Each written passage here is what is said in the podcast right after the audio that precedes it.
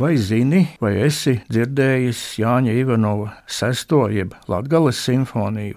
Lai noder, varbūt neliels stāsts par šī skaņdarba diezgan dramatisko un neparasto likteni. 1948. gada 10. februārī PSRS kompartijas centrāla komiteja nāk klajā ar lēmumu, tā dēvēto Ždānova doktrīnu, kurā norādīts uz daudzu padomu komponistu daļradas formalistisko ievirzi. Par savu līdzšinējo devumu tiek pelti un nosodīti Šostakovičs, Prokofjevs, Arams Hačaturjāns, Nikolais Mieskovskis un citi. Formālisma kritiku saņem arī redzamākie Savienoto Republiku komponisti no latviešu, kā pirmais Jānis Ivanovs.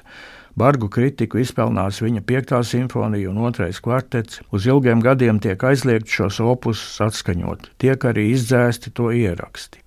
Ideoloģiski estētiskā prasība skan nepārprotami. Ir jāraksta vienkārša, melodiska un tautiska, tautas masām saprotama mūzika, kas balstīta uz stingriem sociālistiskā realisma pamatiem un pauž optimismu un ticību padomju dzīves gaišajiem ideāliem. Tas bija sākums mākslas politiskai regulēšanai. Staļiniskajā totalitārismā mākslai bija jākļūst par valsts ideoloģijas propagandētāju un apkalpotāju, par tās kalponi. Tā bija prasība pēc ērtai ideiskai komunikācijai, pieejamas mūzikas, ko nodrošina teksts vai programma, kā arī ilgstošā tradīcijā izstrādājušās mūzikas paņēmienu stabilās nozīmes, raksta Arnolds Kotiņš.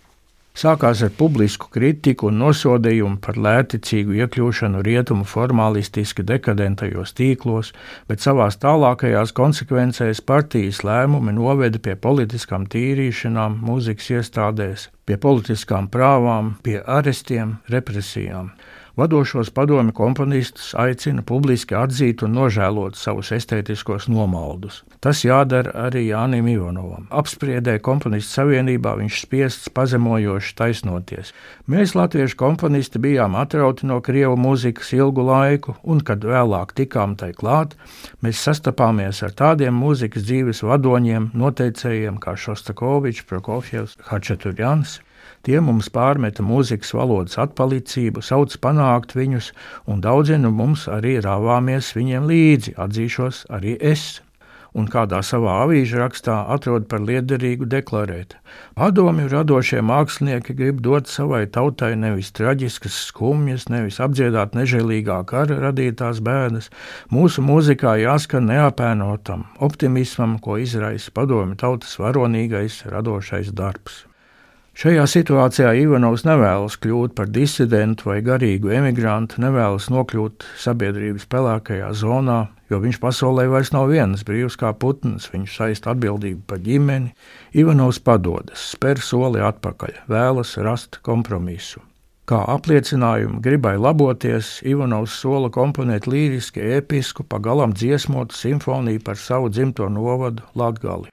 Šis nodoms komponistam itin kā pārāk kaulus nelauž, gan jau viņa manuskripta mapē vēl patapušas skices no 30. gados izsapņotās dzimtenes tēlojuma sērijas, kā turpinājums Rāznai, Latgales ainavām, Padebešu kalnam.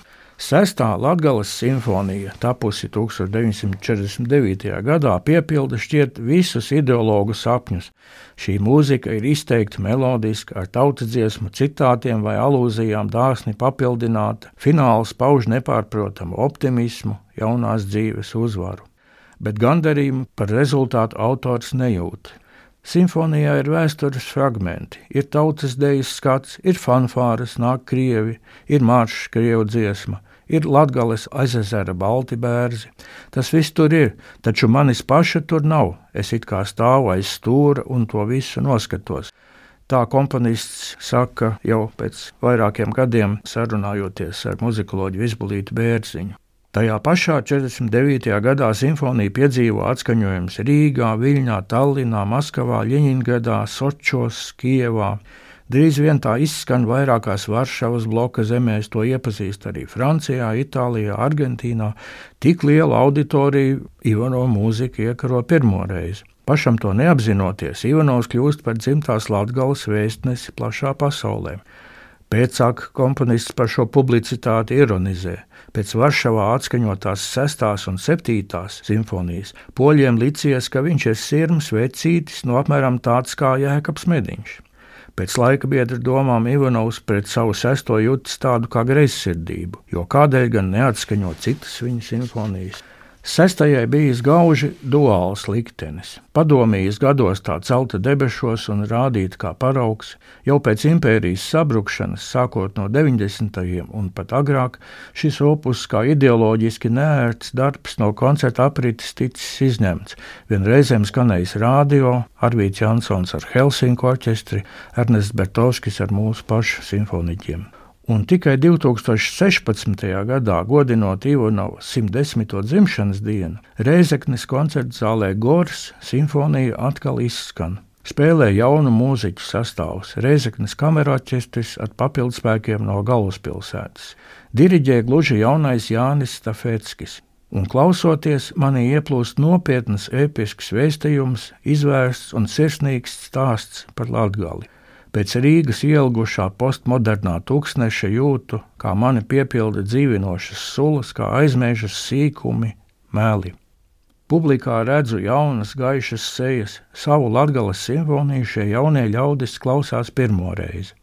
Simfonijas fināls viņiem vairs neasociējas ar sarkanārmijas tanku ienākšanu, kā tas bijis iepriekšējām paudzēm.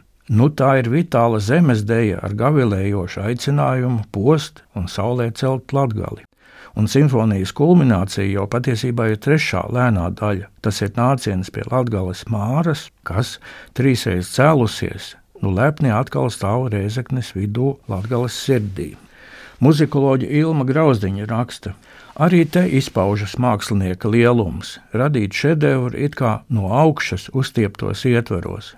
Jānim Ivanovam vīļu koncertā, tāpat 6. un 7. simfonijā tas ir izdevies jo šo partitūru mūzikā ietverts nevis tautiskuma ārējais, butaforiskais ietērps, bet izteikta tautas dvēsele.